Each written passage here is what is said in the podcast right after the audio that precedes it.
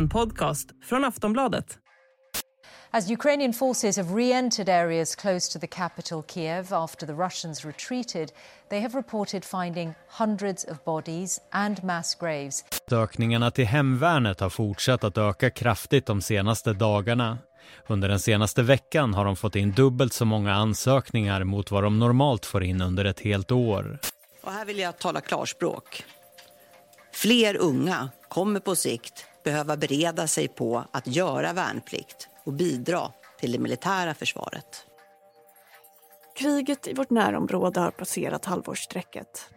Och bilder som vittnar om massgravar, avrättningar, våld, förödelse och död har blivit vardagsmat för många.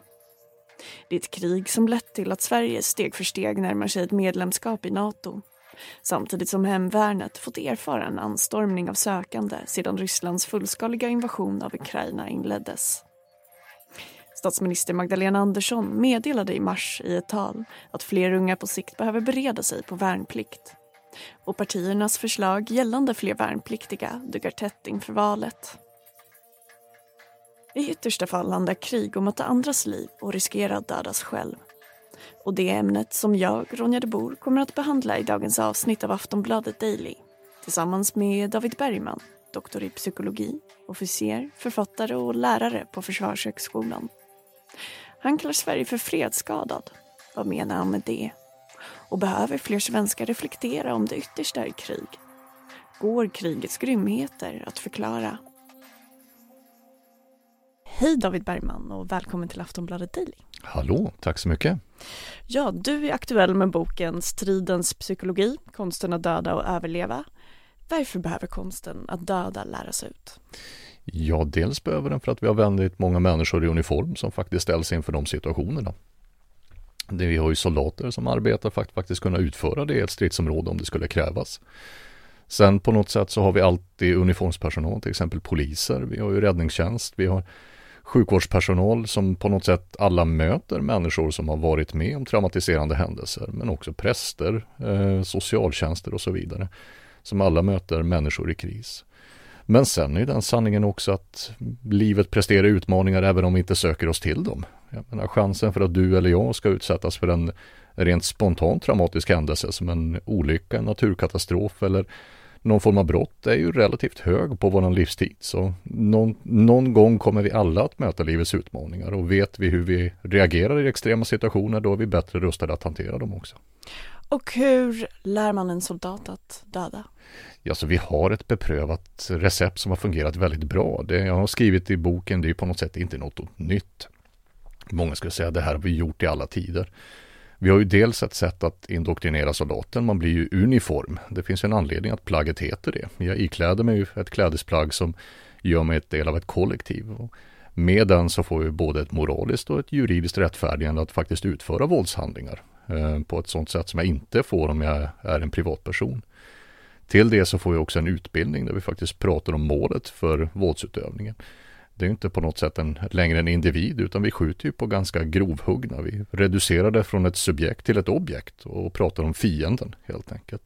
Och vi är ett sanerande språk. Vi pratar om att nedkämpa, vi pratar om att målväxla och nå verkan i målet. På ett sätt som, det, det är ganska kliniskt rena begrepp som egentligen inte finns i den, den vardagliga tabulaturen och den finns i, i väldigt få andra tillfällen än militära den där typen av sanerande språk är inte ensamt bara för militären. Polisen har ju ett liknande. att Man pratar om att oskadliggöra eller omhänderta. Man pratar om ett objekt, alltså gärningsmannen eller den misstänkte i det där fallet. Och sen övar vi också med vapen och distansering, det vill säga vi försöker faktiskt att döda på så långt avstånd som möjligt. Hur, hur rått det än må, må låta. Men man tenderar att vilja strida på avstånd, inte bara för den egna säkerheten utan när vi gör det reducerar vi även tröskeln för våldsutövning. Vad händer då med en när eh, man ser på en människa från ett subjekt till ett objekt? Alltså det som är enklare är framför att jag, jag kan genomföra det med en parallell moralisk standard. Det vi lär våra soldater är inte på något sätt att de ska frångå den moral de redan har. Vi vill ju ha individer som är sunda och som har bra etiska och moraliska värderingar. Utan det vi lär dem är ju snarare en parallell moralisk struktur. Att i det här formatet så kan du genomföra våldshandlingar som du inte hade kunnat göra som privatperson och att man då kan växla mellan de moraliska strukturerna. Och väldigt enkelt uttryckt att döda det är ju fortfarande fel men att nedkämpa en fiende det är något som förväntas av det i den här specifika kontexten.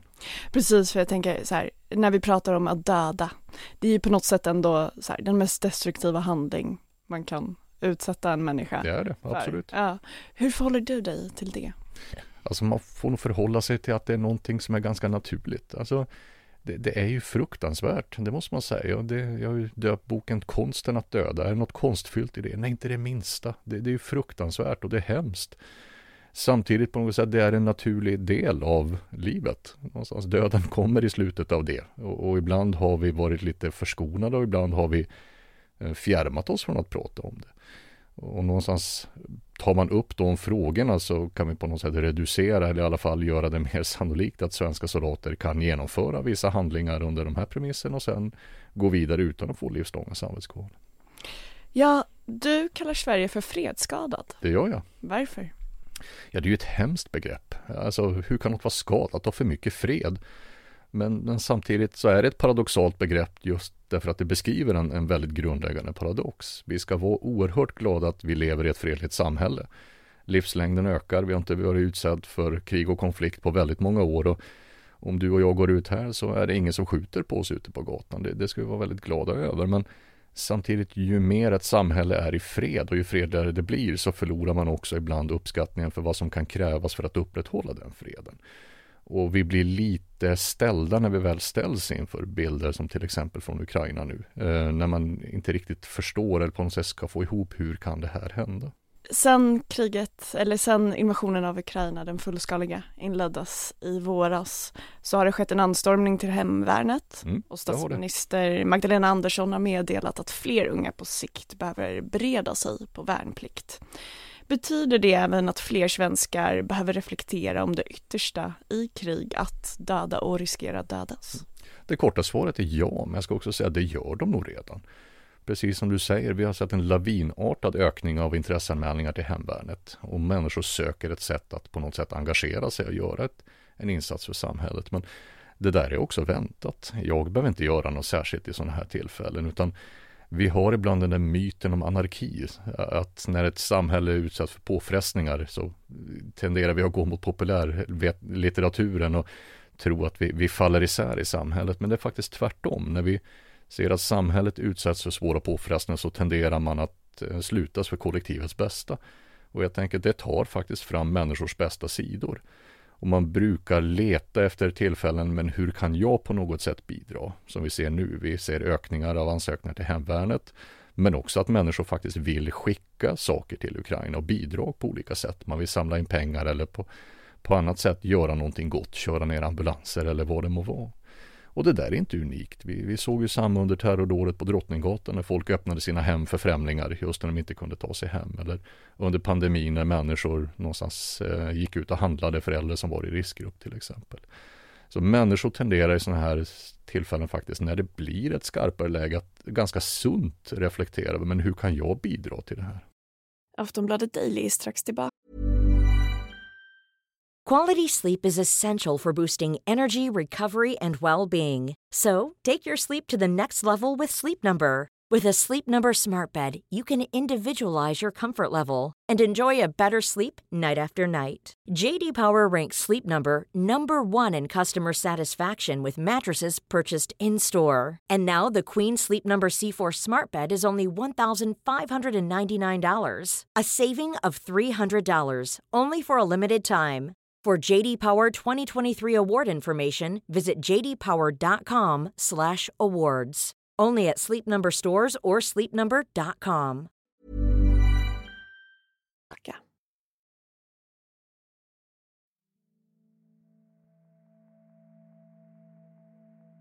Sedan Rysslands fullskaliga invasion av Ukraina inleddes i februari har många chockerats av bilderna på våldsamheterna bland annat från Butja där brutala bilder visat hur civila avrättats och där massgravar hittats. Hur går David Bergmans tankar kring det här? Hur kan man förklara grymheterna? Ja, men det är det vi brukar kalla för onda handlingar. Jag får ibland en frågan, men är det ondska? Nej, vi brukar inte prata om ondska, utan man brukar prata om onda handlingar. Just på grund av att även väldigt goda människor är kapabla att göra onda handlingar. Vi har ibland den här tendensen att när vi ser den här typen av övergrepp, vi vill ju så gärna tro att det där är ju monster, det är ju psykopater. Och ja, det, onda människor finns, de som har psykopatiska och sadistiska drag, men det är ju någon få procent, ungefär 1-3 procent som har den kliniska diagnosen. Och det är en väldigt liten del av befolkningen. Och det är framförallt de som redan är överbefolkade, överrepresenterade i fängelser och inte i militära förband. Snarare tvärtom, man, man vill inte ha in dem i militära förband. Och när vi då ser övergrepp så måste vi någonstans inse att ja, men det här är ganska vanliga människor som hamnar i en väldigt ovanlig situation. Vill vi förstå onda handlingar så finns det just två delar vi måste inse. Det första är att väldigt vanliga människor kan genomföra onda handlingar. Och, och det andra, och det här blir jättejobbigt, att i mig själv, när jag själv tycker att jag är en god person så innebär det ju att jag också under rätt eller då fel omständigheter kan genomföra onda handlingar. Och då bör man titta under omständigheterna, men vilka andra faktorer har vi? Eh, dels så har vi en, en, social grupp till exempel som kan påverka mig. Dels så har vi ju en kontext, alltså vad är det de möter där? Sen har vi alltid, eller väldigt ofta, ett sluttande plan, alltså en tidsfaktor. Väldigt få militära förband begår ju övergrepp en dag in i stridigheterna, men vänta 30 dagar, vänta 60, vänta 90, 120 dagar av kontinuerlig utmattning. Och ser man samtidigt att förband har tagit eh, egna förluster, ja, men då kommer känslor som hämnd, hämndbegär, vrede, frustration, uppdämt och så vidare. Och som vi ser i delarna med Butch och Irpin, då har vi dessutom en, en väldigt hatisk retorik på övergripande nivå. Och det Putin pratar om med, med att avnazifiera landet, det är ju inte bara att avsätta en president. Det är ju någonstans att utradera en hel del av deras identitet och att någonstans bestraffa kollaboratörerna som har varit delaktiga i det. Och det leder ju till att ja, då kan soldaterna, eller de kommer inte i samma utsträckning att göra skillnad på civila och soldater på stridsfältet. Och då ser vi den typen av övergrepp som, som sker i de fallen. Ja, varför är du övertygad om att alla människor kan döda? Jag är ganska övertygad om det just därför att ja, men det är alltid vanliga människor som genomför den här typen av handlingar. Så har det alltid varit. Och det är den typen, den vanligaste reaktionen när någon genomför det oftast, men han verkade ju så normal, hur kunde det här ske? Någonstans som jag sa, men onda människor finns absolut, men det är en relativt liten del. Utan snarare alla har vi kapaciteten till att kunna genomföra onda handlingar. Sen är det så, men skulle alla verkligen genomföra det? Nej, men förhoppningsvis behöver vi inte få veta om alla verkligen skulle genomföra det, utan vi kan snarare säga att med, med, genom att reflektera över onda handlingar så kan vi också komma fram till att men hur kan vi undvika dem? Och nej, men då har vi de där faktorerna med gott ledarskap. Vi har att faktiskt reflektera över etik och moral, att vi har en bra förbandsanda, att vi har en bra gruppsammanhållning. Framförallt en grundstruktur att omge med människor som säger att men nu är vi på väg in i ett sluttande plan här grabbar och tjejer. Nu tycker jag att vi stannar upp och reflekterar vart vi är på väg. Så det är den större frågan. Mm. Och finns det de som har lättare och svårare att döda? Självklart gör det det. Som jag sa, onda människor finns och har du inte normala moraliska spärrar för våldsutövning, då har du lättare att utöva dem. Och de som till exempel har en antisocial personlighetsstörning, de är ju överrepresenterade i våra fängelser just av den anledningen. Och det är ju snarare den delen av, den typen av individer vi inte vill ha i våra militära förband. Vi vill ju ha individer som är, har en sund etik och moral, har viss förmåga att utöva kontrollerad aggression men inte någon form av överdriven förmåga att utöva aggression. Och bland de som har en sund etik och moral, finns det de som har lättare och svårare där? Ja, jag skulle snarare säga att de, de som brukar etikeras och faktiskt klarar sig bra, det tenderar att vara de vanligaste människorna. En, en, forskare som heter Theodore Nadelson, han gjorde en stor utvärdering efter Vietnam, alltså vilka hade egentligen lättast att döda? de han kallade true killers, den gav den etiketten, det tenderade att vara de mest vanliga människorna helt enkelt. Som hade en övergenerell begåvning, som hade en sund etik och moral och hade enkelt att knyta an och arbeta i grupper helt enkelt. Är inte det nästan skrämmande? Hur menar du? Alltså att, eh, att det är de, på något sätt de goda människorna som är bäst på att döda i krig. Vänd på frågan, vi kommer alltid att ha krig om vi ska utöva våld. Är det inte bäst att de goda människorna ändå utövar det våldet? de kommer ändå att veta att vad de behöver utöva, men de kommer framförallt att veta när de ska sluta använda våld, när målet är uppnått och veta att vi inte ska gå över etiska och moraliska gränser, även om man ibland är frestad till det. Och vad kan vi då lära oss av att vi har potential att döda? Jag tror att vi kan lära oss att fungera lite bättre i vardagen helt enkelt. Som vi sa inledningsvis, alla som lyssnar på det här kommer inte vara soldater som möter en stridssituation. Kanske en väldigt liten del eller om ens några som lyssnar. Men huvuddelen av oss kommer någon gång att möta någon form av traumatisk händelse. Det, statistiken talar för det. Om det är en naturkatastrof, om det är en olycka, om det är någon form av brottslig handling eller något liknande. Och vet vi hur människor fungerar i extrema situationer, ja men då är vi bättre rustade att förhålla oss till dem. Vi är framförallt också bättre att kunna förstå på något sätt eh, konceptualisera när vi ser den typen av, av hemska handlingar som du ändå tog upp från Butch och Irpin. Att förstå hur kan det här hända och hur jag ska förhålla mig till det. Det säger David Bergman, doktor i psykologi, officer, lärare på Försvarshögskolan och författare. Du har lyssnat på ett avsnitt av Aftonbladet Daily och jag heter Ronja de Bor. Vi hörs. Say hello to a new era of mental health care. Cerebral is here to help you achieve your mental wellness goals with professional therapy and medication management support. 100% online. You'll experience the all new Cerebral Way, an innovative approach to mental wellness designed around you. You'll get a personalized treatment plan from a therapist, prescriber, or both in a safe and judgment free space. Your cerebral therapist or prescriber will outline a customized plan with clear milestones along the way so you can get to feeling your best. With Cerebral, you're not alone in your mental health journey. We're here to empower you to live a fulfilling life. So take that first step towards a brighter future and sign up today at cerebral.com slash podcast and use code ACasts to get 15% off your first month. Offer only valid on monthly plans. Other exclusions may apply. Offer ends July 31st, 2024. See site for details. Du har lyssnat på en podcast från Aftonbladet. Ansvarig utgivare är Lena K Samuelsson. Tired of ads barging into your favorite news podcasts?